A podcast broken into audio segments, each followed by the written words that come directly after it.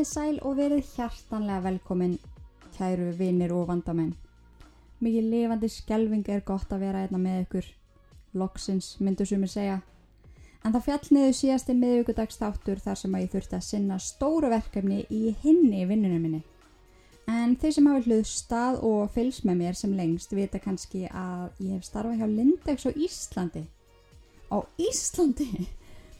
uh, síðan 2011 og núna er ég í svona uppsetningateimi ef svo má orðið komast. Þannig ef að það á að setja upp nýja búðir eða það þarf að breyta um gömlu þá mætir ynga á svæðið. Að þessu sinni opnuðu við geggja að búða eigilstöðum og mér langaði einmitt að taka smá moment og tala beint til þeirra sem að ég hitti á þeim fagra stað sem að eigilstaðir eru. En vók var ótrúlega gaman að hitta svona mörg ekkar. Ángríns, ég elska svo mikið þegar þið segið hæfið mig, þú veist, þegar ég er bara að lappa eitthvað staðar. Og hvað þá ef að þið byrðið um mynd? Ég fer í kleinu, ég veit ekki henni það en váka var ótrúlega gaman og bara þúsund þakkir indislegu eigil staða búar um, ég efast um að þið séu kallið það en ok, en ég vona allan að þið séu ánum með nýju Lindex búðina hún er mjög falleg. En nógum eigil staði Mál dagsins.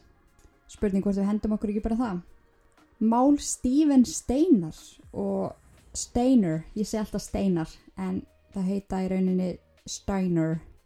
Og í raun bara fjölskyldan hans í heilsinni er mál dagsins. Um, því að öll þessi erfiði sem að fjölskyldan fóru gegnum eru ólýsanleg. Ég er ekki að grínast ykkur. Um, hvernig get ég orðað þetta best? Uh, óhefni mér finnst það samt vægt til orðað að teki sko. En það er ótrúlegt hvað þessi fjölskylda þarf að fara í gegnum. En þegar maður setur þetta til dæmis í samengi við það að stundum að maður að væla yfir því að vera óheppinn og það sé einhvern veginn ekkert að vinna með manni þá veit ég ekki alveg hvernig maður á að bera þetta saman. Þetta, veist, þau áttu ekki sjö dagan að sæla þessi fjölskylda. En við skulum heyra átakanlega sögu steinar fjölskyldunar Ég heiti Inga Kristjáns og þeir eru að hlusta á Ílverk Steinar fjölskyldan. Gjöru þið svo vel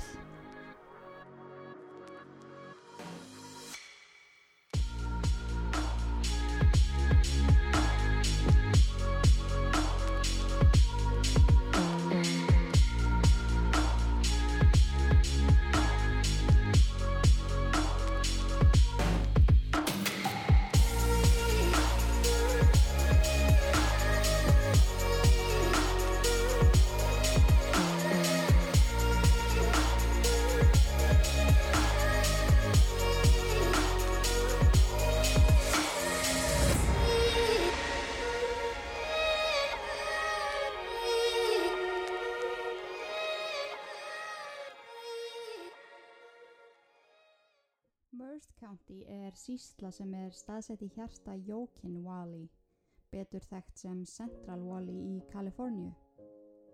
Þar búa um 260.000 manns og er heildar flatamál síslunar 1980 ferkilometrar.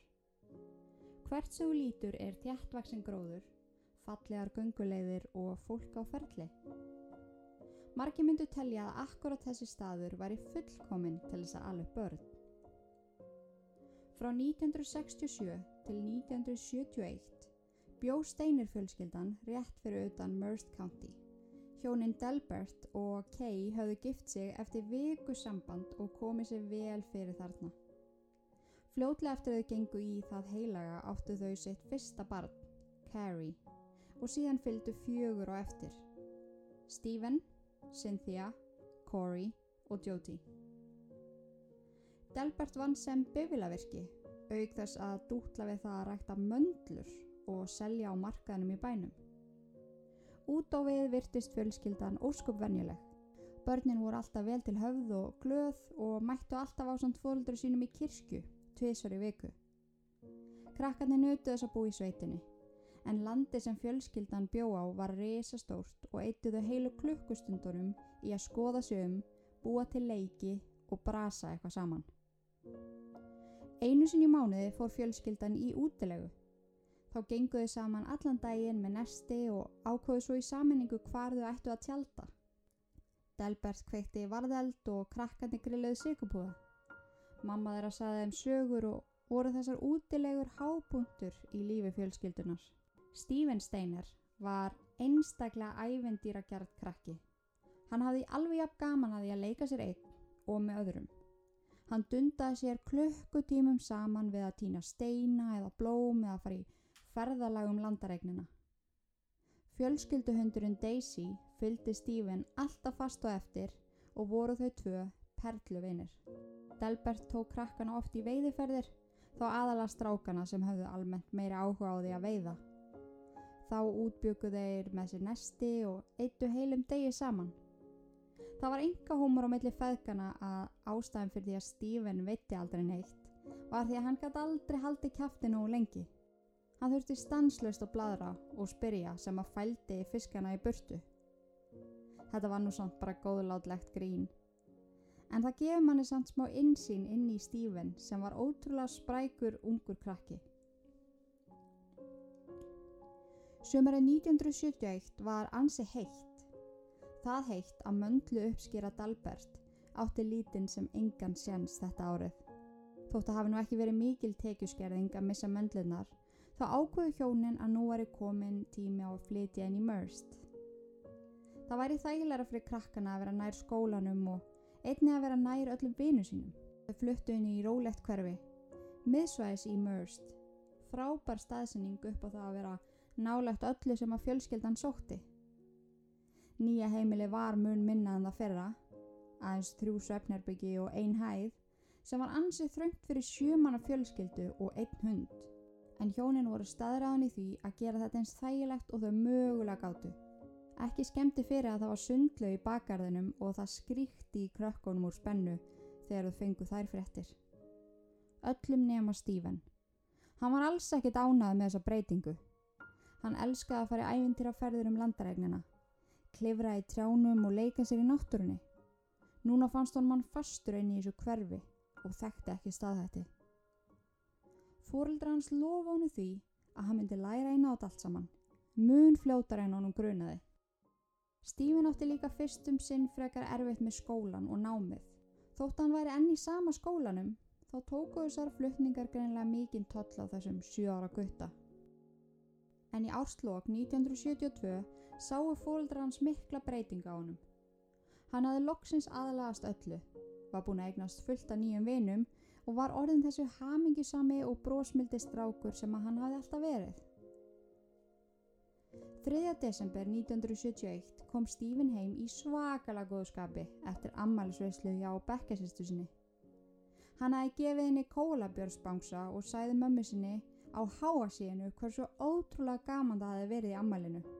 Mammans var svo ánað að heyra hvað allt gengi vel hjá hennum og hann væri orðin hammingjusamar aftur. Áður en Stephen fór að sofa um kvöldið sagði hann fóldri sínum að nú eru bara 21 dagur til jóla og hann verið svo spenntur að hann væri eiginlega bara að springa. Hann átti mjög erfitt með að sopna þetta kvöld og let sér dreyma um gafir, góðan mat, salgeti og jólasveina. Dæin eftir eða þann 4. desember 1971 þá vaknaði Steinar fjölskyldan um sjöleitið. Þetta var ósköp venjulegu morgun. Mannskapurinn komi streyttu fram úr rekju og fjölskyldan snetti saman morgumatt. Þegar Stephen, Carrie, Cynthia og Jodie voru tilbúin, klættuðu sér útifötun og gengu þau saman í skólan. Svo yngsta, Corey, var ennþá í leikskóla og horfið á eftir sískinu sínum út um gluggan. Carrie, sem var elstur, hafði lofað að gæta sískinu sína vel.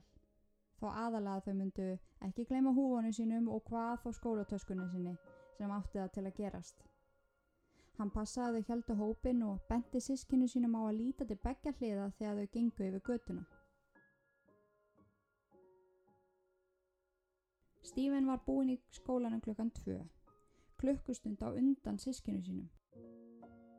Vanilega gekk hann heim á samt vinum sínum en þennan tiltegna dag fór að ryggna eins og held væri úr fötu. Vanalega, þegar veðrið ákvaða að láta svona, sótti móðir steinubarnana þau í skólan. Svo hún gerði ráð fyrir því að Stephen beði hennar inn í andri skólans. Hún lendi fyrir utan klukkan 10.02. Hún beigði nokkra mínútur og skimaði yfir eftir síni sínum, en sá hann hverki. Hún fer inn í andri skólans og sér hann hverki þar. Henni fannst þetta frekar skrítið en vissi samt að svonur hennar væri frekar óferisjánlegur þegar komaði að grallarast. Svo það mátti vel vera að hann hefði bara gengið heim í rikningunni og búið sér til eitthvað leik á leiðinni. Kai kerði rólega heim og horfið eftir Stífen, en var ekki varfið hann alla leiðina. Um klukkan 20 mindru yfir tvö þegar Kai kom aftur heim var Stífen heldur ekki þar. Hann hlauta að fara út að leika. Þótt Kai finnist óþægilegt að veit ekki nákvæmlega hvað hann var, ákváðan að býða róleg þar til klukkan erði þrjú, en þá myndi restina krökkunum klára skóladaginn og hún geti farið og sótt þau. Þegar hún kom í annarsinn fyrir utan skólan stóðu börnin hennar þrjú þar og byðu eftir henni. Þau vissi hún myndi sækja þau í svona mikillir regningu. Þau tjáðu mömmu sinni að þau hefðu ekkert síða Stíven síðan í hátteginu. Kei ringdi í Delbert og saði hann frá þessu, sem sagði henni að hafa yngra áhugjur strax og myndan á það að Stíven hafi gert svipaðan hlut nokkrum vikam áður, en þá hafði hann einmitt farið heimi vini sínum án þess að láta vita af sér. Þau hefðu orðið döðrætt og þegar hann kom loksins heim refsaði Delbertónum með að flengja hann með belti. Þótt hann hefði lofað að gera þetta aldrei aftur voru þau vissum að hann væri á hlýðnast þeim. Þegar hann fór að líða á kvöldið og Kay fekk neitun eftir neitun frá foreldrum sem hún ringdi og spurði hvort að sonur þennar væri nokkuð hjá þeim, fór hann að finna fyrir mjög miklum ágjum. Elsti bröður Stífan ringdi í alla bestu vini hans og spurði hvort að þeir hefði nokkuð síðan. Sharon sem átti ammali dæn áður sagði að hún hefði lappað með Stephen helmingin af leiðinni eins og þau gerðu alla daga. Vanalega gekk Stephen heim með Sharon og öðrum strák sem hétt Hector. Sharon kvatti þá á hálfur leið og gekk heim til sín en Hector og Stephen gengur svo saman restina sem að þar sem að þeir byggu nánast hlið við hlið.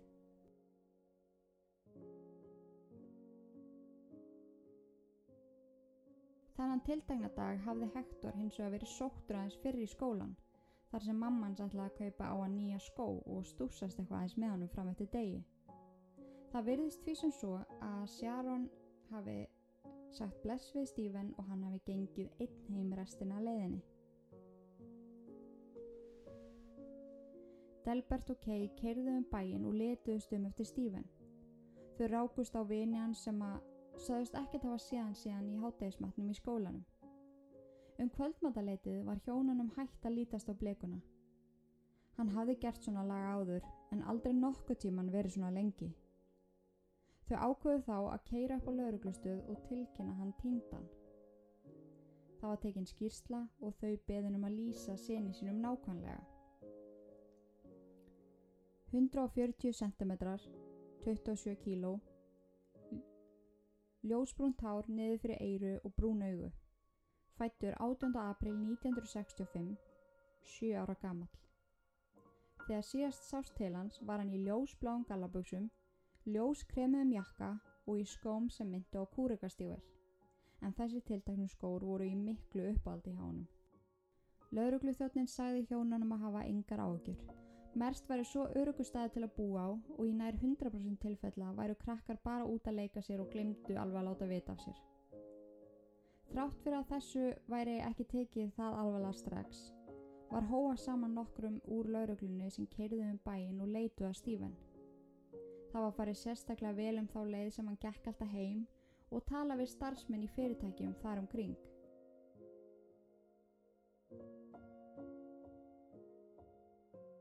ungu maður sem vann á bensinstöðinni sem að Stephen gekk alltaf fram hjá uh, sagði mitt frá því að hann hefði síðan rétt fyrir klukkan hálf tvö sem segir okkur það að annarkort var mammans rétt á undan honum eða rétt á eftir honum þegar hún var að leita á honum Þegar klukkan fór að nálgast tíu voru áökjur allra búin að stegmagnast Kay og Delbert báðu vinahjón sín um að gæta hinn á barnana á meðan þau færu út að leita að Stífen. Hvarfans var tilkynnt í útvarpinu og köllu var út leitarsveit. Í úrhallisrykningu og neðamirkri var leita af Stífen. Fóreldra hans fór í gegnum ruslahaugana í bænum. Kíktu inn í hvert einasta bílræ, undir bárujásblötur og ofan í fiskikér. Hvergi funduðu drengin sinn. sem var eitthvað staðar ískaldur, hrættur og rennandi blöytur.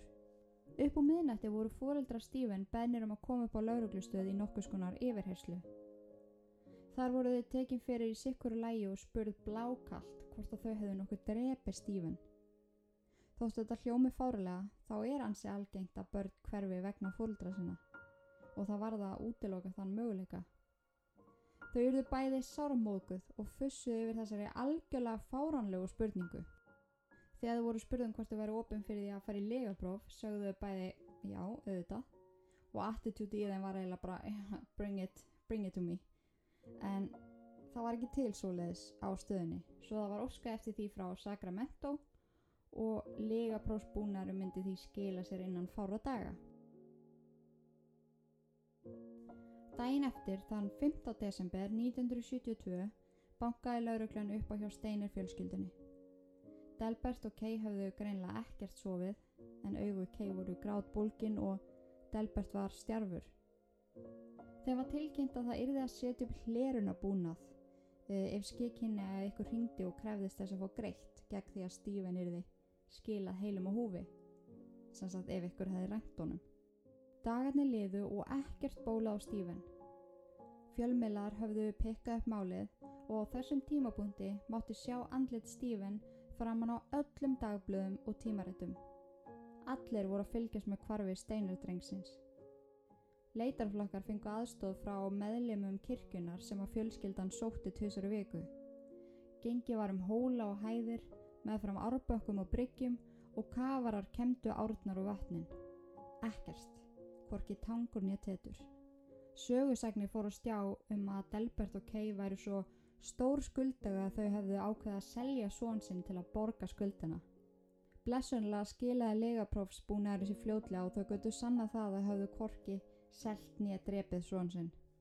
8. desember 1972 var sett af stað síðasta óbynbjara leitin af Stephen. Hundruður bæjabúa tók sér frí og vinnu Slökkulismenn og aðri leitaflokkar úr nærlegjandi bæjum settu saman þjætt leitaplan. Það var búið að vera virkilega kallt í veðri og frost á nætunar sem gerði þá sem leituðu frekar svart sína. Ef að Stífan væri eitthvað staðar á sveiðinu væri hann kannski dán og kulda. Það gæti einhvern veginn ekki annað verið. Delbert leitaði dag og nótt, fekk likla hjá bæjastjóra til að fara inn í allar tómar byggingar hvort sem að þær voru yfirgefnar eða á sölu. Hann fór ofan í niðurfallsgöt og gráðbað alla að kíkja í kallarana sína og upp á háaloft. Á sama tíma kom upp svo pæling að kannski hefði Stephen verið rænt og sá sem tókan hafi farið með hann í Yosemite National Park sem er um 30 km uh, í, uh, um 30 km í burtu frá miðbæ Merst en Jósmætt svæðið er risastórt og þar eru djúbidalir, gjótur og ár og það væri mjög auðvelt að fela lík stífinn þar. Það var því ákveða að finkjempa svæðið eins vel og mögulegt var, auk þess að ræða við alla starfsmennina, bæði þá sem störfuðu í garðinum og líka þá sem unnu á Jósmætt hótelinu sem var þar nálagt. Yfirmæðu skóavarðana var frekar ósáttur við þessar aðgerðir Hann skildi alveg að það þurfti að leita að stráknum en var mikið á mótið í að gestir Garsins væru ónáðaðir og myndir af Stífen væru hengdar út um allt. Húnum fannst þetta mál ekki tengja skarðinum neitt og algjör óþarf að hræða gestina sem að heimsáttu garðin daglega. Lauruglu fannst viðbröð skóavarðarins frekar skrítin.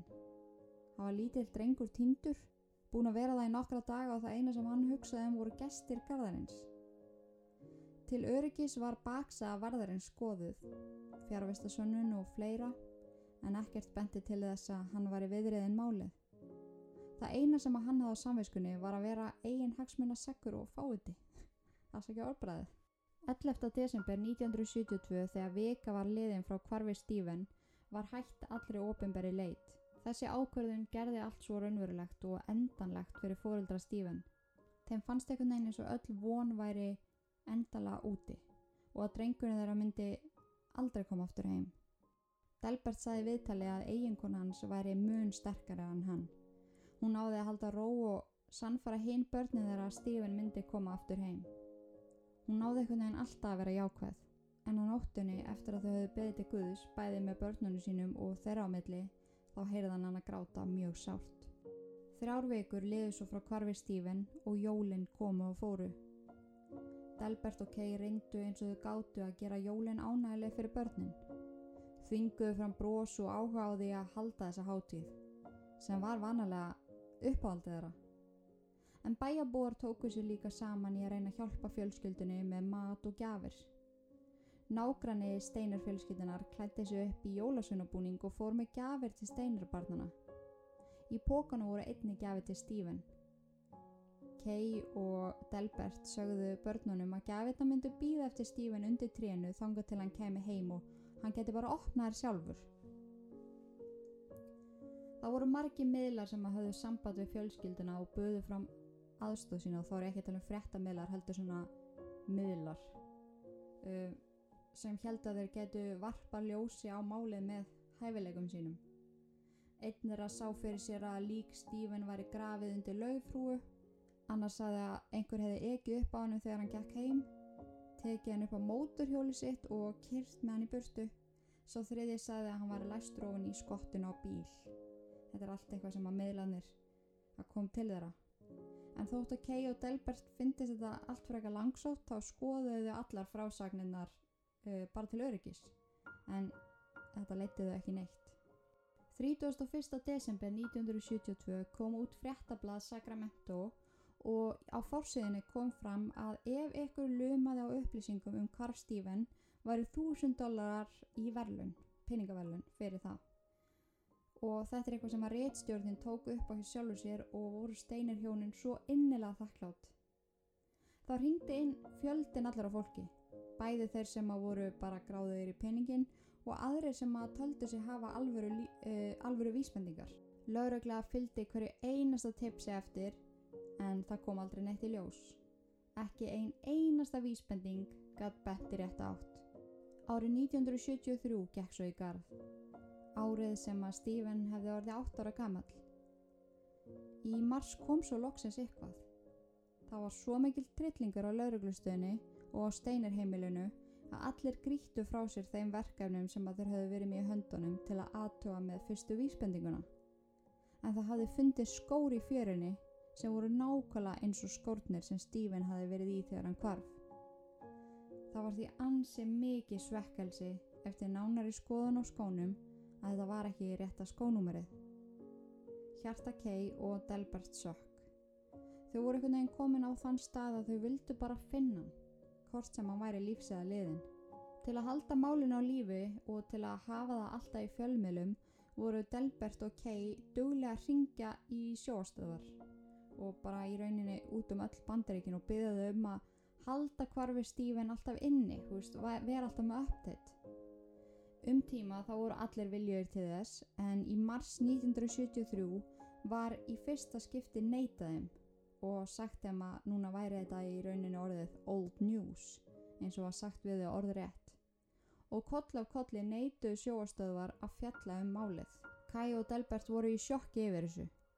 Þótt að þetta væri old news fyrir sjóastöðunum þá var þetta lífið þeirra, sonur þeirra og hann var ennþá týndur.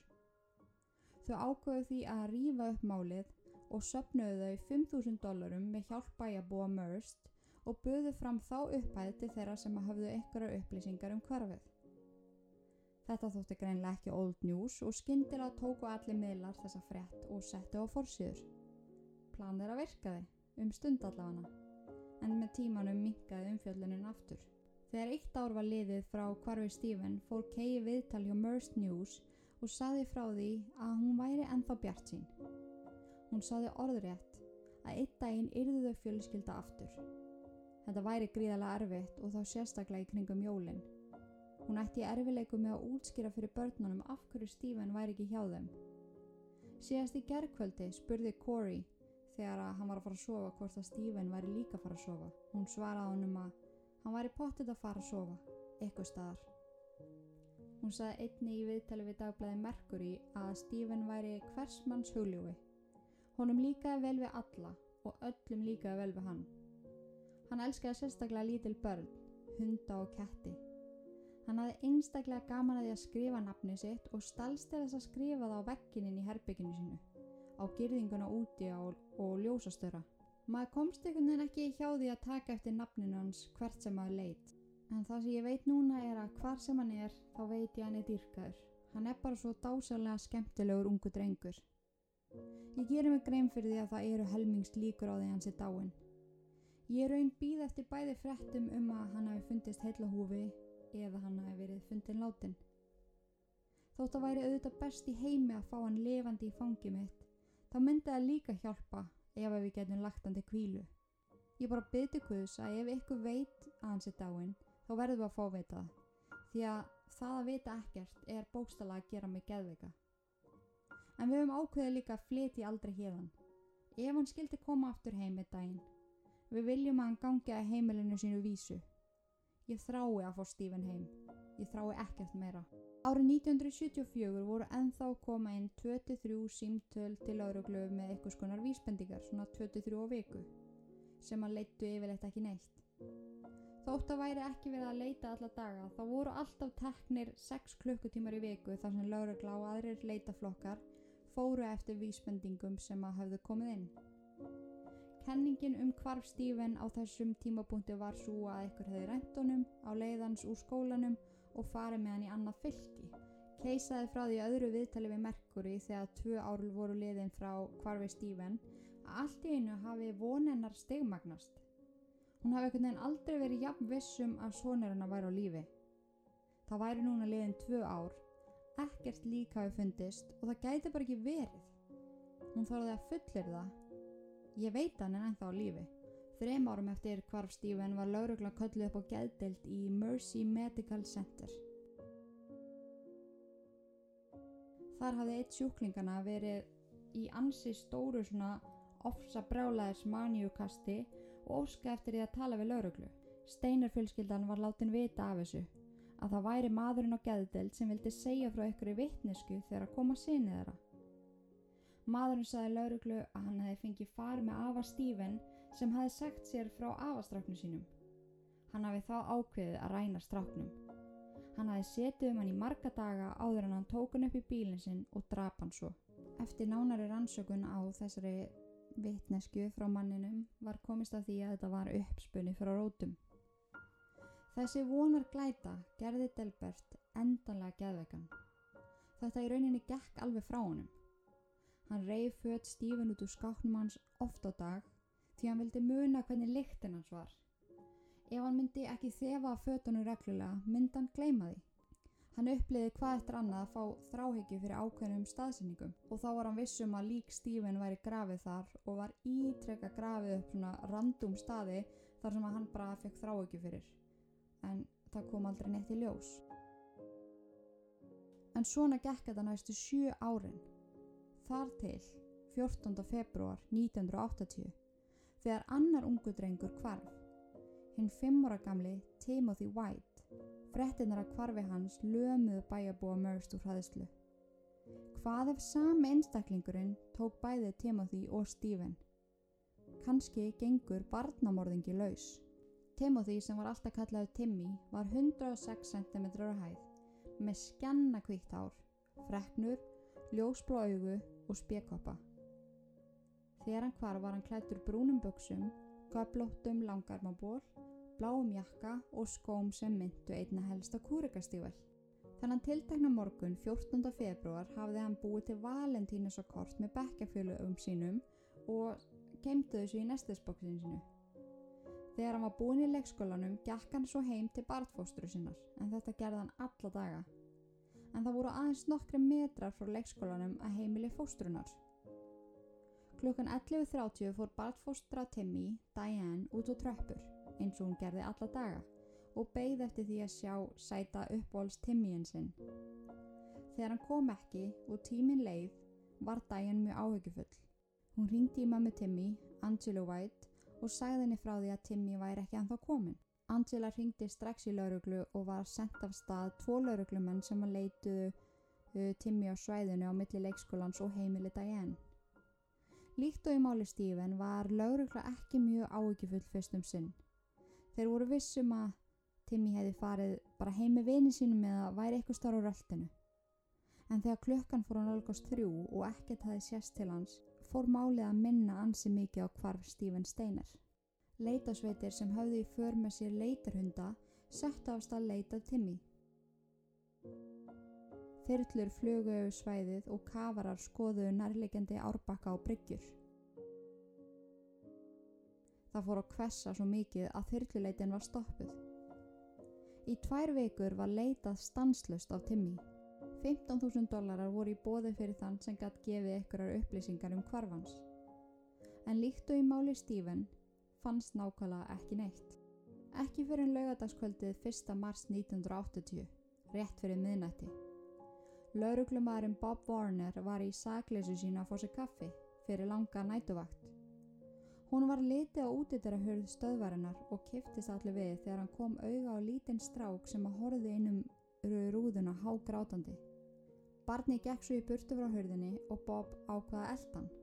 Það væri skrítið að svona lítið barn væri aðleitt úti svona sent um kvöld. Barni hljóp neðu göduna í áttina úllingstrák sem stóð á enda gödunar og tók strákin í fangið þegar hann kom hlaupandi. Bob fann að það var ekki allt með feldu og til að vera vissum að strákanir hyrfi honum ekki úr auksín kallaði hann á félaga sína til að koma á aðstóðan. Stuttu setna kerði lauruglumæðurinn Russell Kavuga niður göduna og lagði við hliðin á drengjónum sem stóðu grav kyrrir í enda gödunar. Hann spurði þá, hvað heiti þið stráka mínir? Yngre segi með ekka, Timmy White. Russell var í svo miklu sjokki að hann þurfti að byggja Timmy að endur taka sig. Gat verið að týndi strákurinn var beint fyrir framannan. Sá eldri segi svo, ég, ég heiti Stephen og ég hef verið týndur í sjö ár. Þegar mamma Timmy var látin vita að því að það væri lítill strákur upp á stöðu sem að segðist vera Timmy, kerði hún þangað á ógnarraða. Fyrst þegar hún sá strákin virtist hún ekki þekkan. Barni var drullu skítugt og með dökkbrúnt hár, en sonur hennar var með hvítár. Hún pýrði augun í smá stund og virt hann fyrir sér, en leið svo út af. Þegar hún rangaði við sér nokkru mínundum setna gerði hún sig grein fyrir því að þetta væri litli sonur hennar.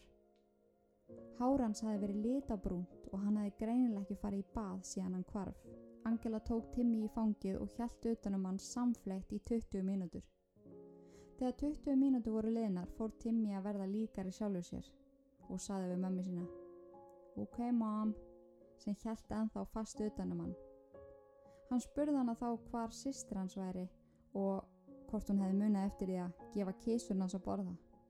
Úf, ég verði maður fyrir alveg bara svona að gráta þetta er svo krútlegt. Hann er eitthvað ok mom. Og hann er gett hann sjálfur þegar hann er komin aftur í öryggi mömmu sínar oh my god. En þegar að koma að úllingspiltinum sem að sagðist þetta Steven sagðan lauruglu að Timmy hefði verið rænt af sama manni og hefði rænt honum fyrir 7 árum síðan.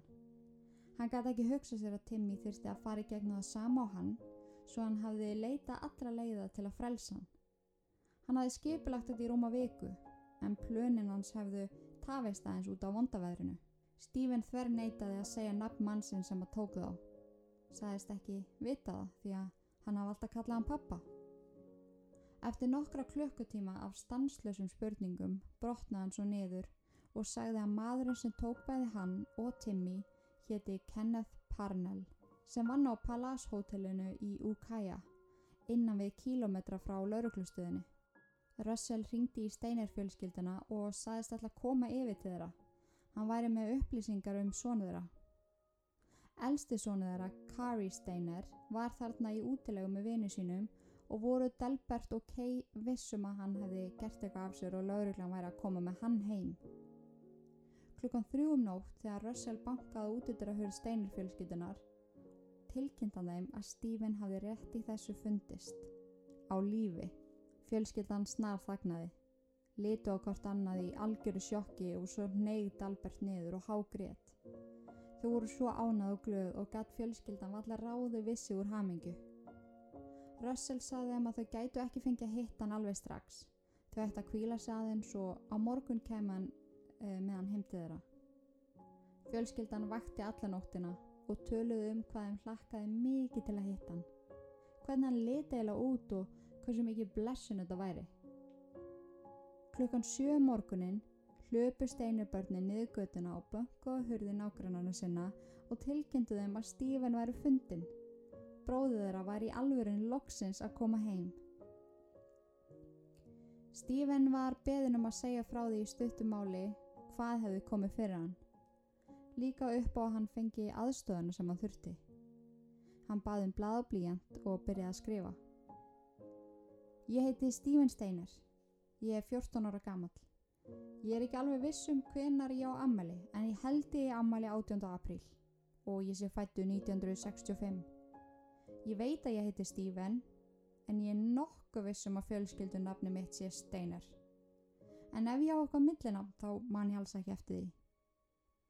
Þegar kemur að kvarfinu sjálfu held ég að sé best að við heyrum frásögnina beint frá Stephen sjálfum og heyrum einni nokkur orð frá fóruldramanns, Kay og Delbert.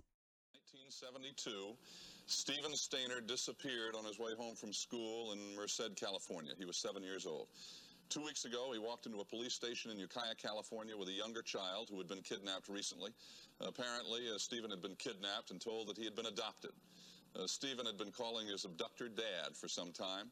For seven years, his parents, Kay and Delbert Stainer, never gave up hope that he was alive. And this morning, uh, they have uh, these three members of the Stainer family joined us, and they are joining us from San Francisco, where it's still the middle of the night. By the way, because there is a legal case pending, there are details we cannot talk about. Michael Hyder is their attorney, and he is with us this morning really to make sure that nothing is said that would influence uh, uh, their cases. Good morning, uh, Stephen and Mr. and Mrs. Stainer and Michael Hyder. Nice to have you all with us. Thank you. Thank you, David. Thank you. Stephen, uh, to, to police and, and your parents, uh, you, obviously you just disappeared off the face of the map. What happened that afternoon? Do you remember when you were walking home from school? Uh, yes, um, I was walking home from school and I was stopped by a man along the street just a few blocks from my house. And he um, asked me if I wanted to, me or my, my mother wanted to donate something to a church. And I had told him that uh, my mother would probably want to. And so he offered me a ride home. I had um, refused the first time, telling him that uh, my house is just a few blocks away. And he had asked me several more times, and after a while, I had taken the ride. And then uh, a car pulled up, and I got in, and they they passed the road that I was that I lived on, and I had told them that that was the road I lived on. They said that we'll just uh, call your parents to see if you can stay the night. Were you afraid? Uh, not that much. I was a little bit. What what did they tell you as the days went on? Why why they were keeping you with them, and what did they tell you about your family? Well, the first night they had said they called my parents and said it was all right that I stayed the night. The second night they said that they had called them again and said they, that I could stay another night. Then um, one of them went to uh, went out and came back and said that he went to court and got in possession of me and said that I was his. How did you feel about that when you heard that? Oh, um, I really forgotten what I felt that at that time. It was kind of a shock to me. You called him. I'm, I've been told that you called him Dad. How long before you started calling him Dad? Do you have any idea when that started? Um, that started about a week after my abduction. What were your thoughts during the seven years about your parents? Did you think about them, and if so, what what went through your mind? Um, through the seven years, I don't remember what went through my mind, but I thought of my parents very often. Mr. Stainer, did you have any doubts during those seven years that you'd see your Stephen again? Well, I had a lot of hope up to two years ago. Uh, there was a few things that came up that I kind of I kind of lost the, my hope and faith in it. And but Uh, I was wrong. Fortunately. Mrs. Stainer, did you share his his hope for that period and then lose it at any point, or what happened with your No, mind? I, I never did lose my hope that I would find Steve. I didn't get into all the things that uh, Dell did. I was um, oblivious to all that kind of stuff. I just went merrily on my way, believing that Stephen would be home one day. Svo við förum léttilega yfir það sem Steven sagði, uh, þá nálguðust hann tveir menn á bifrið, örstuðt frá heimilin hans. Menninni sögðunum að þeir störfuðu á vegum kirkjunar og spurðu hvort að fóreldra hans myndi ekki vilja gefa peninga í styrtasjóð. Steven sagði að mammans myndi pottit vilja það og menninir sögðu þá að þeir getur skuttla honum heim og þá getur þeir bara spurt hann sjálfur. Fyrst hafi Steven neita farinu, sagði að hann geti alveg lappað hann stuttaspöl sem var eftir, en Kenneth endaði á að segja honum eða bara farin í bíl og Steven gerði bara eins og hann sagði og þeir keirðu af stað. Þegar Steven tók eftir í að þeir keirðu fram hjá húsin hans, sagði hann uh, mönnunum að þeir væri að fara langt. Kenneth sagði hann þá að þeir myndu ringja í mömmans þegar þeir væri komnir heim til hans og spyrja hvort hann mætti ekki bara gista eina nótt. Fyrstum sinn var Steven ekki hrættur. Hún fannst menninni vinalegir og treysti þeim. Hann satt svo bara rólegur og horfði út um gluggan. Á leiðinni stoppaði Kenneth bílinn til að nota tíkallasíma. Þegar hann settust aftur inn í bíl, snera sér að Steven og sagði hann það að mamma sagði gefið leifi að hann myndi bara fá gist eina nótt. Steven, Kenneth og hinn náungin sem heitir Edward Irvin uh, og vann með Kenneth uh, kerðu til Kathleen Wally þar sem að Kenneth leiði lítinn kofa inn á svona hjólhísasvæði. Ein mjög óhugnalega staðrind er að Afi Steven átti hjólhísi á þessu hjólhísasvæði. Og hann, hann meiri svo dvaldi þar stóran parta árinu þannig að hann var mjög líklega þarna þegar þeir rendu inn á svæðið. Og það voru nákvæmlega 200 skref frá kofa Kenneth að hjólísi af að Stephen sem er oh my god sko. Þegar þeir voru komnir á áfangastað rak Stephen upp stór augu. Stofan var full af leikfengum og Kenneth sagði hann um að hann ætti þau öll Stephen glemdi sér í marga klukkutíma og leik sér á dótinu Á meðan spurði Kenneth hann úti í fjölskylduna og hvað hann er langað að verða þegar hann er þið stór. Kenneth vann í Yosemite Lodge sem var hótel og er hótel ennþá í dag. Þar hafði hann svo aðganga lítilli stúdíu íbúð þar sem hann mátti búa á meðan hann vann á hótelinu. Dæin eftir þegar Kenneth þurfti að mæta í vinnu fóra með Stephen inn í litlu stúdíu íbúðuna og gaf hann svo appelsinutjúr sem hann hafi mulið út í sveptöflur. Stephen svaf því vært á meðan Kenneth kláraði vaktina sína og þannig gekk þetta fyrir sig dag eftir dag. Edvard, vinnufélagi Kenneth, sá til þess að Stephen hefði nóg að borða að drekka á meðan Kenneth vann og leik sér oft við hann þegar hann átti frítaga. Stephen fannst Edvard mjög skemmtilegur og hlakkaði alltaf til þess að hann kemi heimsó. Eftir að hafa haldið Stephen í sex vikur keipti Kenneth Manchester Terrier kvolp handónum. Stephen skýrðan Queenie og urður fljótt bestu vinnir. Kenneth keipti hundin til að milda fréttinnar sem hann ætlaði að segja Stephen. Hann settist anspænist drengnum sem hjælt á kolpunum í fanginu og sagði Stephen, ég þarf að segja þér svolítið og þú verður að lofa vera ekki leiður. Mamma og pappi hafa ekki efni á að eiga þig lengur og dómarinn ákvað að ég myndi fá forraði yfir þér og þú mátt búa hérna með mér og Queenie. Stephen fór að hágráta og sagði Kenneth að mammas og pappi vildi hann alveg og það kostiði alls ekki mikla peninga að eiga hann. Kenneth tók um axlið Stephen og sagði Þau vilja ekki að þú komir heim. Þau sögðu að þú ættir að búa hérna. Setnaðan hann sama dag letaði Kenneth hárað á Stephen svart og kliftið það til. 17. desember hjælt Kenneth af stað með Stephen í aftursætunum til Santa Rosa. Ferðin tók fjóra og halva klukkustund. Næstu tvær vikunar gistu þeir á mismunandi hótelum og mótelum. Annan janúar 1973 skráði Kenneth Stephen í Steel Lane barnaskólan í Santa Rosa. Það ferli gekk ansismurt fyrir sig. Kenneth sagði skólastjárunum að Dennis væri sonur hans úr fyrra hjónabandi og hann væri nýverið fluttur endala til hans. Þegar Kenneth var spurður hvaða skóla Dennis hafi verið í áður, sað hann bara að fyrsta sem kom upp í hugans, Yosemite Elementary School. Það var ekki hringt í fyrrum skóla nýja beðið um fæðingavottorð og Stephen hóf gungu sinna í nýja skólanum sem Dennis Parnell.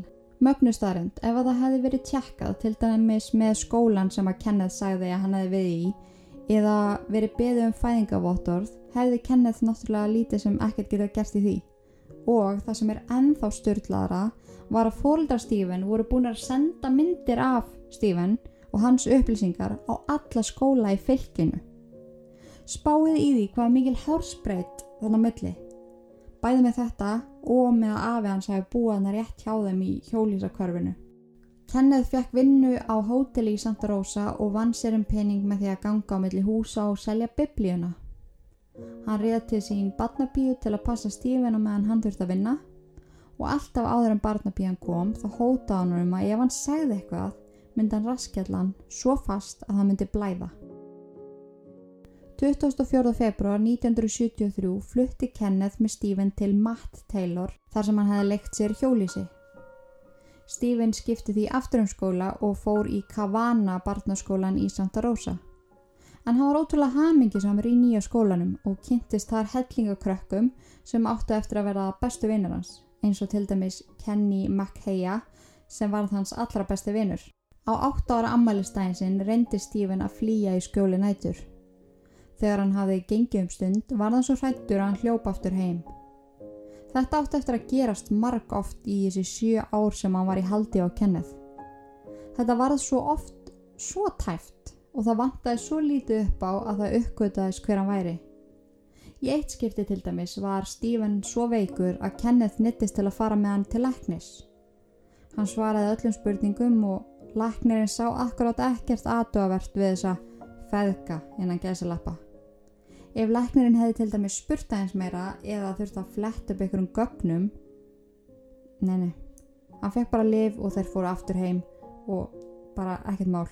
Í november 1973 fluttu þeir úr hjólísakverfinu og Kenneth tók hús á leigu í Santa Rosa. Hann vildi hús með garði svo Queenie geti hlaupi frjálsum í garðinum. Stephen var mjög ánæð með nýja húsið en fannst ömulegt að þurfa að skipta um skóla og yfirgefa vini sína, þá sérstaklega Kenny. Hann fekk yngöngu í Doyle Park Elementary School sem var í rúmlega 7 mínútna fjarlað frá Kavana, svo hann glættist yfir því að geta enþá hitt Kenny þegar hann langaði til. Með tímanum fór Kenneth að slaka hans meira á. Hann hætti að hafa Stephen alltaf í felum þegar hann var ekki í skólanum og fór reglulega með hann út að borða eða í bíó. Þótt myndir af andliti Stephen hafi verið út um allt á tímabili, þá kannast aldrei neitt við hann. Kenneth hætti svo í vinnunni sinni vegna nýra laga sem fóru á stað í lok 1973 og það voru fullt af fólki sem hætti vinnunni sinni árið 1973 út af þessum lögum. Ég get allan rétt ímynda með það. En það mátti sérst ekki lengur reykja inni. Hann sem var stórreikingamæður gæti ekki hugsa sér að þurfa að fara alltaf út og hvað þá að byggja um leiði um að fá að skreppa frá. Hann saði því bara upp og vegna launaskerðingar þurftu þeir að flytja úr húsinu sem að þeir hefðu tekið á leigu og afturinn í hjólísi í Matt Taylor uh, Trailer Park. Stephen þurfti því í fymtasinn að skiptum skóla en hann var ansi ánæður að heyra að það besta í stöðinu væri að hann færi aftur í Kavana barnaskólan. Stephen gati aftur verið daglega með Kenny félaga sínum og genguður hönd í hönd inn í fjörðabekk saman. Þar sem að Kenny var oft heima á Stephen og öfugt, urðuð því ansi mikil samskipti á milli Kenneth og mömmu Kenny, Barburu, sem fóru fljóðlega að deyta og hún á endanum flutti inn til Stephen og Kenneth. Stephen varð ansi svektur að Kenny mætti ekki flytja með, en hann flutti til pappa síns á samt sískinum sínum. Í byrju 1974 skipaði Kenneth Stephen að hjálpa sér að ná öðrum strák inn í fjölskylduna þeirra. Hún langaði í fleiri sinni og það erði nú gaman fyrir Stephen að eiga bróður. Þeir fórin í verslunarmiðstöð og Kenneth benti Stephen á stráka sem að hann átti að nálgast. Stephen gekk að strákunum og heilsaði. Hann reyndi aldrei að fá það með sér og laug svo að Kenneth að, það, að þeir hefðu bara ekki vilja að koma með sér. Eftir að hafa reyndið í tvo tíma var Kenneth orðin svo pyrraður að hann saði Stephen að koma og þeir fóru bara heim.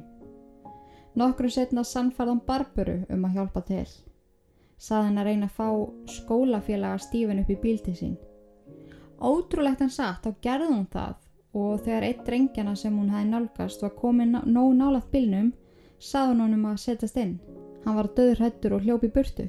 Kenneth var brjálaður og líka mjög taugaveiklaður og hann var mjög hrættur um að strákurinn myndi segja frá þessu svo hann ákvaða að besta í stöðinni væri að flytja einaferðin enn. Þau fluttu til Village í Kaliforníu og Stephen þurfti enn einu sinni að skipta um skóla. Á þessum tímapunkti var Stephen orðin nokkuð frjáls ferða sinna. Ef hann til dæmis vildi fara út að leika sér þá mátt hann það alveg. Kenneth treysti því að hann kæmi alltaf aftur heim. Í eitt skipti var Stephen meira að segja grepin við að stela úr sjoppu. Lögreglan fylgdi honum heim og spáði í því að það kvarlaði ekki einu sinni að honum að segja frá því hver hann var. Kenneth var brjálaður út í hann að hafa stólið. Smá hræstni en ok. En í byrjun 1975 fekk Barbara forræði yfir börnunum sínum fjórum. Þar sem hún og Kenneth höfðu bókstala ekkert á milli handana, brá Kenneth á það ráð að kaupa gamlan gulan skólabíl og innréttan sem heimili. Einmitt. Hann smíðaði kójur fyrir börnin og sett upp lítið eldhús og salerni. Þannig bygguðu nokkra mánuði þar til Barbara kynntist öðru manni og fór fljótlega frá Kenneth. Kenneth var þarna í mikilli ástasorg og lá í fóstustellingu í nokkra daga og hugsaði ekkert um Stephen á meðan. Þeir enduðu svo að flytja aftur inn í annað hjólísi og Stephen skipti enn og aftur um skóla. Hann var orðin ansi vanur því að vera alltaf nýji krakkin og var því fljótur að aðlagast.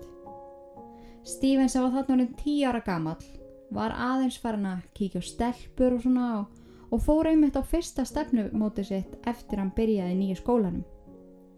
Hann fór einnig að efa fótbolta og var alveg rækilega sáttur og vonaði einstinni að hann fengi að vera þarna lengur en í hálft ár eins og vanalega. En ég fór eitthvað svona að hugsa uh, í, þegar ég var að skoða þetta mál og hann var tíjara farin að spója stelpum og þegar ég hugsa um tíjara bát þá er ég bara, vá það er bara small baby child en þegar ég hugsa um mig sem tíjara vákama var farin að spá mikið í strákum og skrifa ástabrif og okkur svo leiðis ég þarf eitthvað tíman ég þarf eitthvað tíman á okkur um góðum degi þegar að viðrar vel og svona. Að lesa fyrir ykkur upp úr fucking dagbókinu minni sem ég fann þegar ég var að laga til einnum daginn. Ó, ég fór bara alltaf inn að tala um þetta, ok. En já, ég fann sérst dagbókinu mínum daginn sem ég var að skrifa um þetta meðan ég var 9, 10, 11 ára og litla hvælan sem er í þessu. Guð minn almáttur, ég er einmitt að tala um það hvað ég er ástfangin af einhverju strákum, ég bara já ég elska hann og já, ég er ástfangin á hann og, og hvað ég að gera til að hann verði maður minn? Og guð mig góður. Ef, ef, ef ég bara vissi þegar ég var þetta gömul. Já já já. Þetta er svo, þetta er svo fyndið. Það er einhvern veginn svo fyndið þegar maður eldist þá finnst manni veist, þegar ég var 16 ára þá er ég bara eitthvað orðin fullorðin. Þá er ég bara eitthvað, mm, hætti að reyna að skipta ykkur á mér ég er bara orðin fullorðin. Að ég vil raka mér auðabrúnar og teikna þar aftur á þá má ég það að ég er fullorðin? Bara me be. Núna þegar ég horfa á 16 ára börn þá er ég bara eitthvað æ, hlusta það á mig. Leiði mér að spara það tíma og hlusta það á mig. Þetta er svo ótrúlega fyndið hvað maður fyrir að ég veit ekki hvað þetta er mikið þroska steg þannig á milli. Samt líður mann eins og maður sé fullorðin en vókuma var það svo sannlega ekki. En ok, þið með taka með orðinu. Ég ætla ekkert um að lesa fyrir ykkur upp úr þessari dagbók. Þið með ekki gera grína mér og nú man ég ekkert hvert ég var komin. Bú bú bú bú bú bú bú bú. Bú bú bú jú hérna. Hann var búin að liggja hann eins og rækja í ástasorg Kenneth já, hún langaði að vera áfram í skól. Já, já, já, einmitt. Hann eitti öllum sínum frítíma með vinu sínum sem sagt uh, Steven og með kærustum.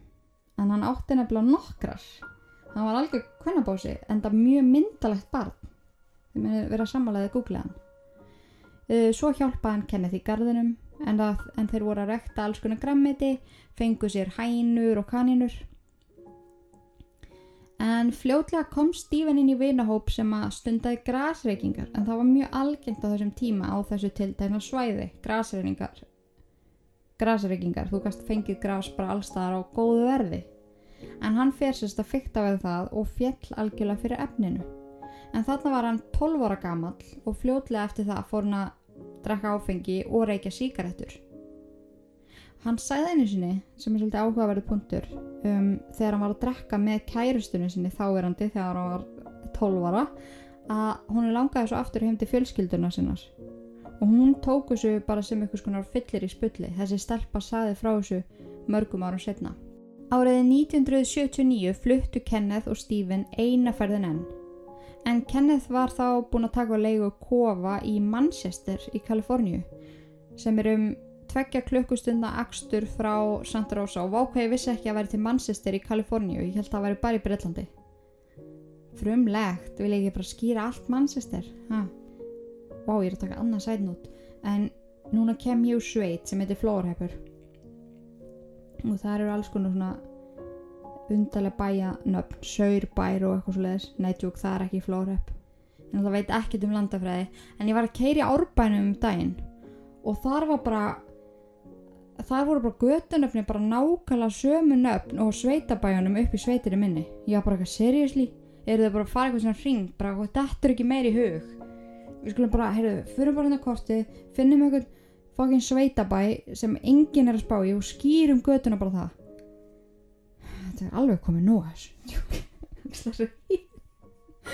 En allavega þá bjökuðu þessu ekki í Manchester í Breitlandi heldur í Kaliforníu. Tveggja klukkustund aðgstu frá Santa Rosa.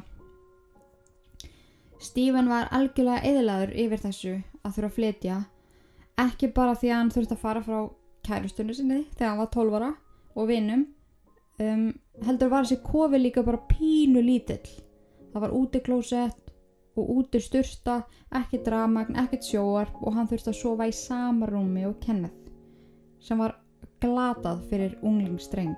Kenneth fekk þannig að vinna á öðru hóteli og Stephen gekk í Point Aria mentaskólan Þann 14. februar 1980 var Stephen algjörlega döðrættur þegar Kenneth kom og sótt hann í skólan með 5 ára strák í aftursætunu.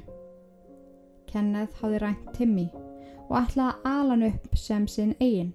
Stephen reynda eins og hann gata að sjá um Timmy, leika við hann og kenna hann um að gefa dýrónum að borða. Þá kanjan hann sem að þeir voru með út í gardi.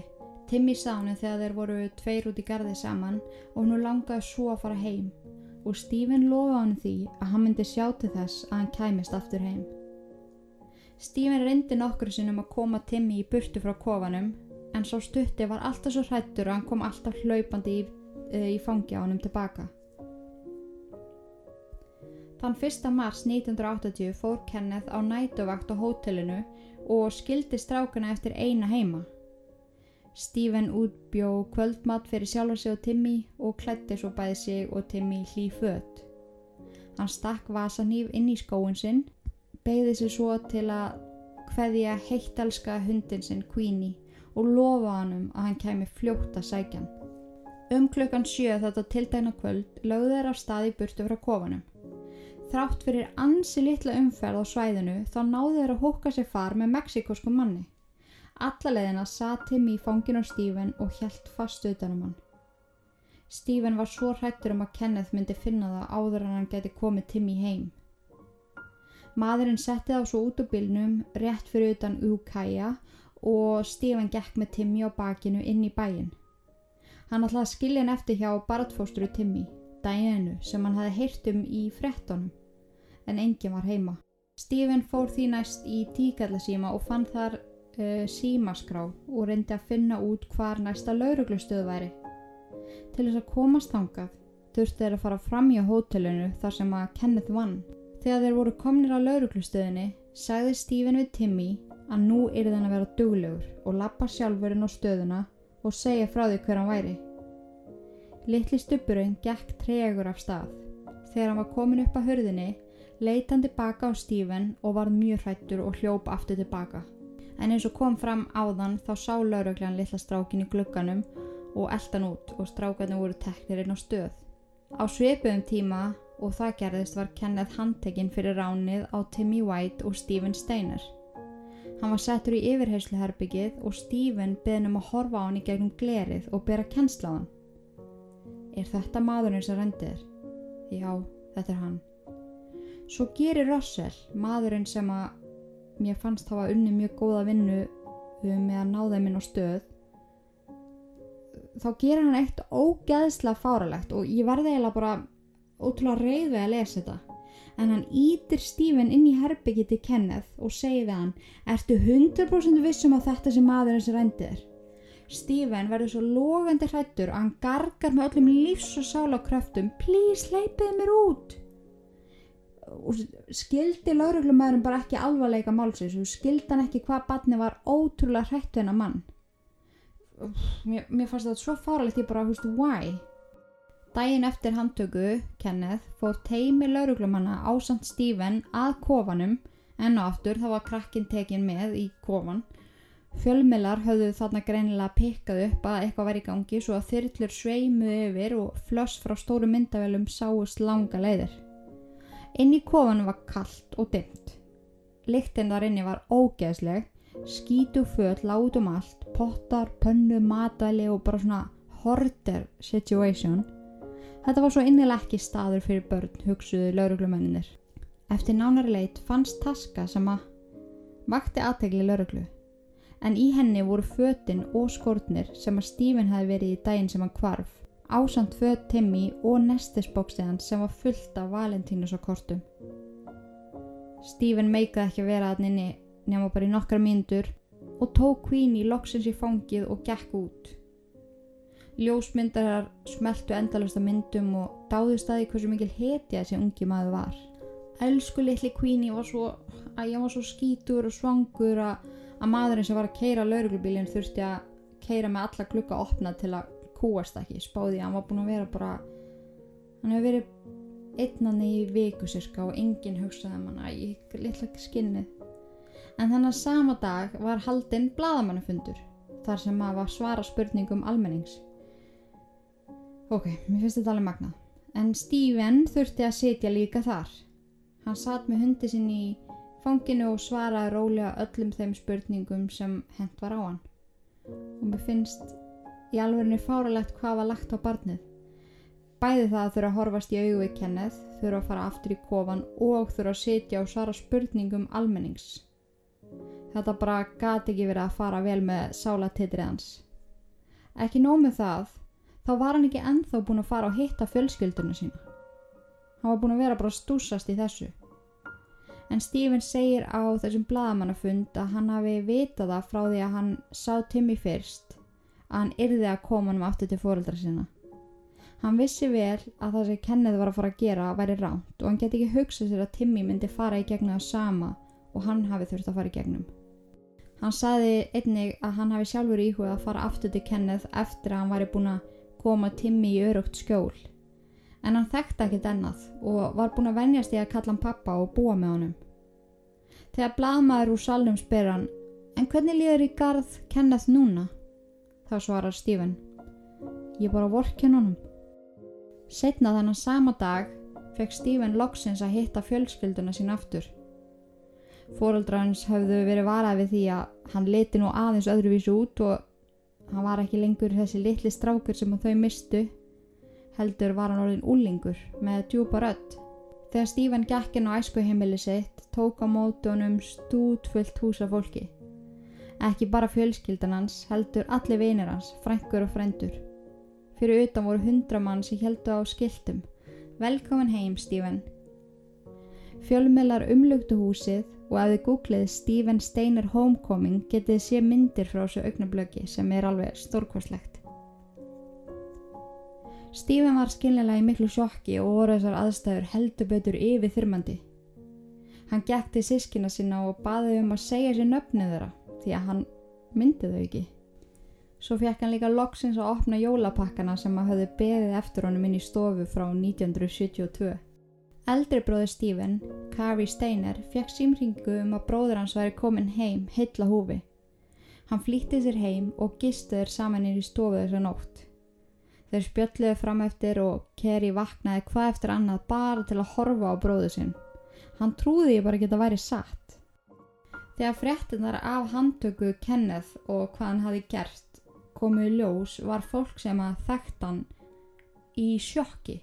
Allir, einmitt bara æskufélagar hans, fjölskyldan hans, vinnufélagar og veist, hann var bara þekktur fyrir að vera ótrúlega næs, bara svona eldri maður sem að vann bara vinnuna sína, var bara, leta ekkert mikið fyrir sér fara og var einmitt ótrúlega góður við dýr og börn. Og það eru líki margir sem að segja frá því að þeir hafi séð Stephen og Kenneth saman veist, í skólunum eða nýri bæ eða eitthvað að dutta, veist, hann fór oft með Stephen messir að hitta vini sína allir voru bara já, þetta voru bara ótrúlega svona vennileg feðga samskipti á millir að þeir voru bara svona fýblast og voru greinlega bara mjög nánir og allir voru bara eitthvað, oh my god, ég held í alverunni að þetta væri sonur Kenneth úr fyrra hjónabandi. Það einhvern veginn grunaði engum eitthvað illt en þegar það var skoða betur hver Kenneth Parnell var þá kom í ljós langur listi af hræðilegum glæpum sem að hann hafði framið í gegnum tíðina. Það mikið og ógeðslegt að ég er að íhuga að gera þáttum hann, bara um hann. Frá bara barnæsku hans og bara um lífið hans því að lífið hans var hróttalegt og ef ég segi ykkur söguna hans þá munið þið kannski fá meiri skilning á þessu máli svona meiri dýft í það af því að eins og ég segi ef, ef ég segi frá þessu þá fáið þið smá annan vinkil á söguna um Stephen líka en það er mjög áhugaverð saga á bakið þennan mann líka þannig að ég held við skulum slá því á fast að ég segi ykkur frá lífi Kenneth Parnell í næsta þetti sem verður þá næsta miðgudag en næsta dagskrá var að veita Stephen sálfræðilega aðstóð. Fyrst um sinn þá var hann bara að tala við lauruglu og líka svona samhlega rannsókninni á Kenneth Parnell. En þeir vildu komast að því hvort að Kenneth hafi misnotað hann kynferðislega sem að væri virkilega í takt við sakaskrá Kenneth. Í langan tíma þver neytaði Stephen. Hann sagði að Kenneth hafi alltaf verið góðu við sig og hann hefði aldrei nokkuð tíman misnotað hann. Eftir frekari leiti í kofanum fannst Polaroid mynd af Stephen kvik nögtum. Þegar hún var sínt svo mynd þá brotnaði hann algjörlega niður. Af hverju hann varði mannin var kannski óskiljanlegt á þessum tíma en spáið í því hversu hrættur hann var og hversu ótrúlega háður hann var orðin Kenneth. Hann sagði loksins frá því að frá því hann kom fyrst til Kenneth var hann misnotaður kynferðislega. Það hefði verið daglegt og þegar Kenneth eignaðist kærustur skipaði hann þeim að nöðga Kenneth eða stunduðu mög fyrir framannan. Þegar Stephen óks úr grasi og nálgæðist úlingsaldur fóru nöðganirnar minkandi. Stephen segist fattaði alveg akkur það gerðist, akkur þetta fór minkandi því að Kenneth vildi bara nöðga ungum drengjum og þegar hann var úlingur þá hætti hann að laðast á hann um kynferðislega. Einmitt á svipuðum tíma fer hann að tala um það að fá til sín annan lítinn dreng.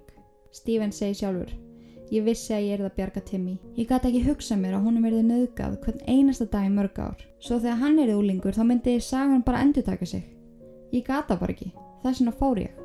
Annars hefði ég örgulega aldrei farið. Ég var ofrættur.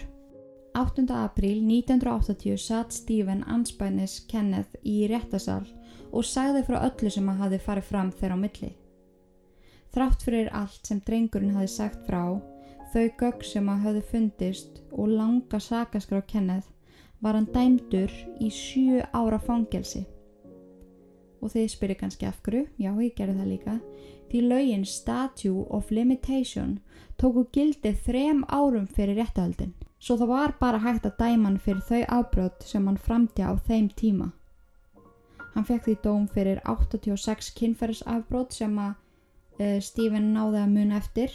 Hann myndi ekkert endilega eftir öllum en það traumatized. Og hann var dæmdur fyrir að hafa rænt drengjunum og fyrir að hafa haldið þeim gegn þeirra vilja. Sjö ár.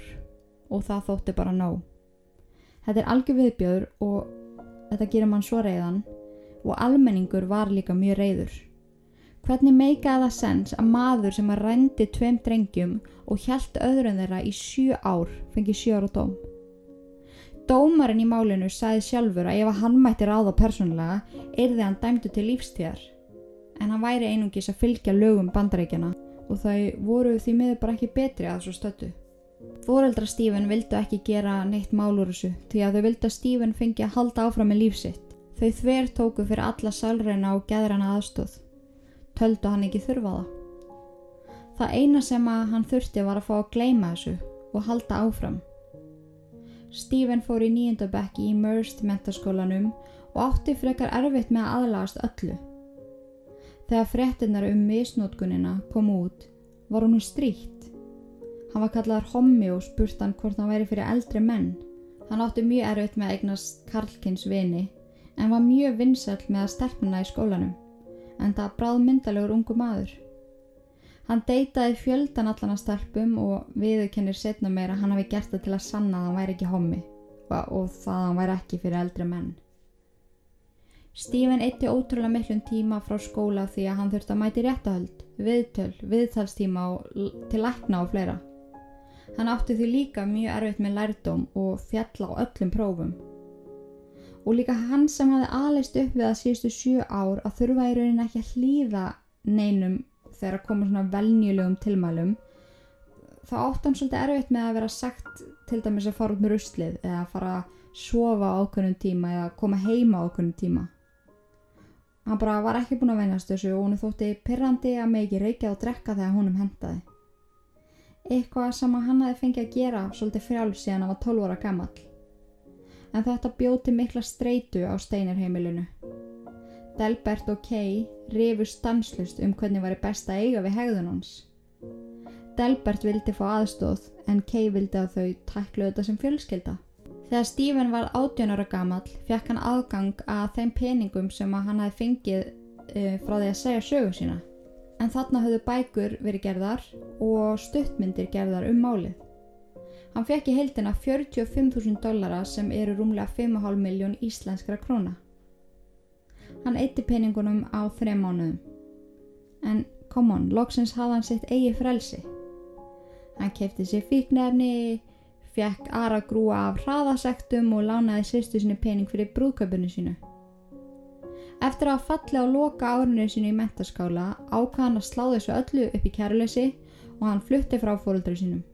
Tók að leigu hjólísi á samt félaga sínum og þar drukkuður og reyktu eins mikið á þeim síndist. Þeir unnu báður hjá sláturhúsi við að pakka kjöti 1984 var Stephen lagðurinn á spítala eftir að fengi alvarlega áfengiseitrun. Hann láð þar í nokkra daga í mikilli vanlegan. Hann ákvað þarna að smakka aldrei áfengi aftur þegar hann myndi útskrifast á sjúkrásinu.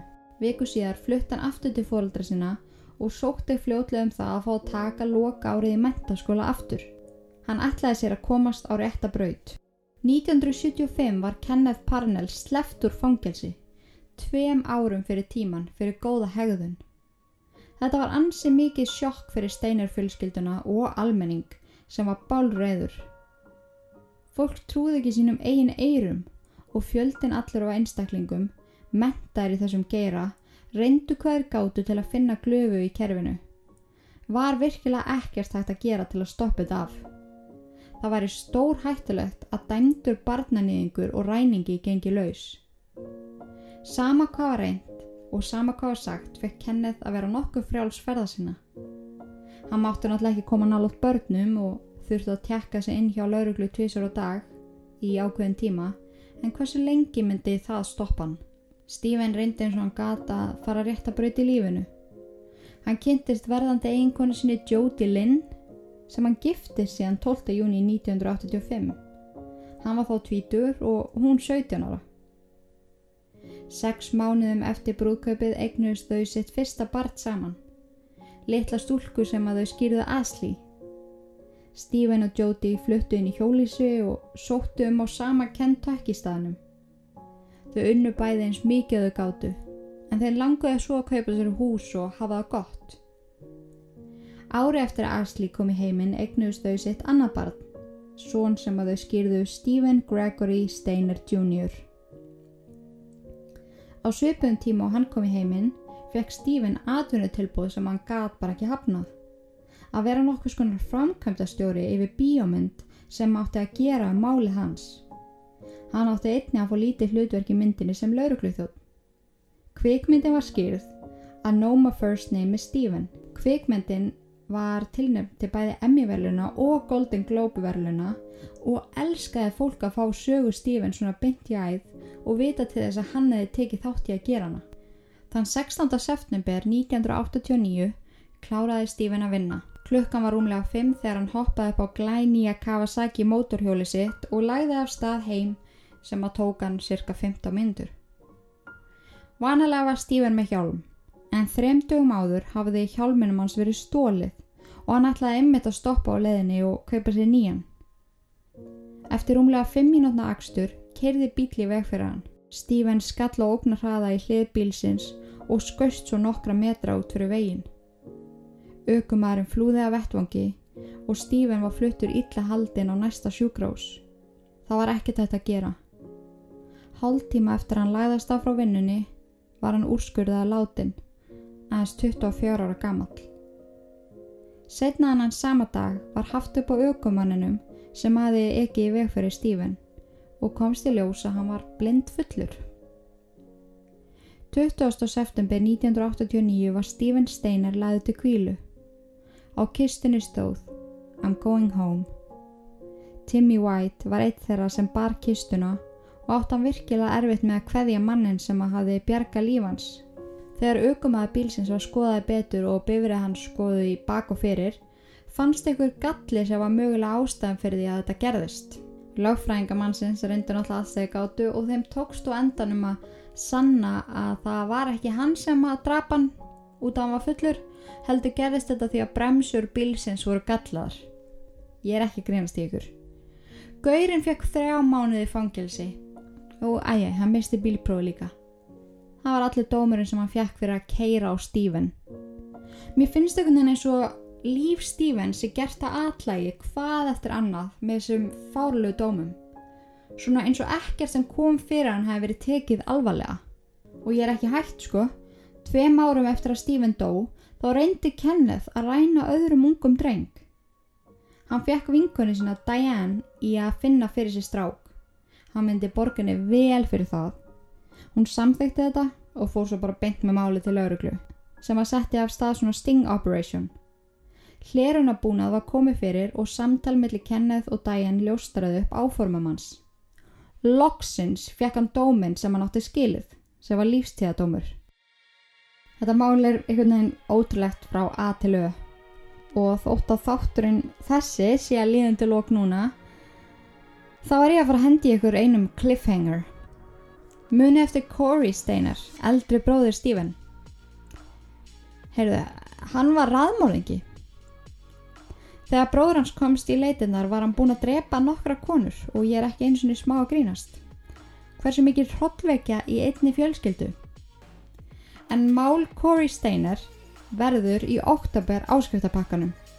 Þið getið skráð ykkur í áskriftin á illar.is og með því að gera það fáið þið 5 auka þætti í mánuði og verður málið hans eitt af þeim. Og þegar ég segi frá honum, sem Corey Steiner, bróður Stephen Steiner, sem var svo bara raðmóðingi á meðan þetta var alltaf gerast, þá fáum við líka annan vingil á mál Stephen sem er mjög áhugavert af því að Corey var eldsti bróður Stephen og mann svo vel eftir því þegar bróður hans hvarf þegar hann kom í leitirnar og allt hannig þannig að ég held að þetta verði mjög interesting. Með að hvað þetta mál er interesting þá verður hitta öruglega líka. Einhvern veginn að fá þetta einn stýpra og svo ætlum ég að taka fyrir Kenneth í næsta meðugutastætti þannig að við erum að taka bara alvöru Stephen Steiner session hérna. En ég hveti ykkur til að skrá inn á illark.is með því að gera það fáið 5 auka þætti og með því að gera það þá er það að styrkja mig og uh, styrkja það að ég geti haldið áram að búið til þetta sem að mér finnst það ótrúlega skemmtilegt. En krakka mínir, takk fyrir að hlusta takk fyrir að vera til og í guðanabænum fórðist öll ítverk nema þetta podcast. Verið sæl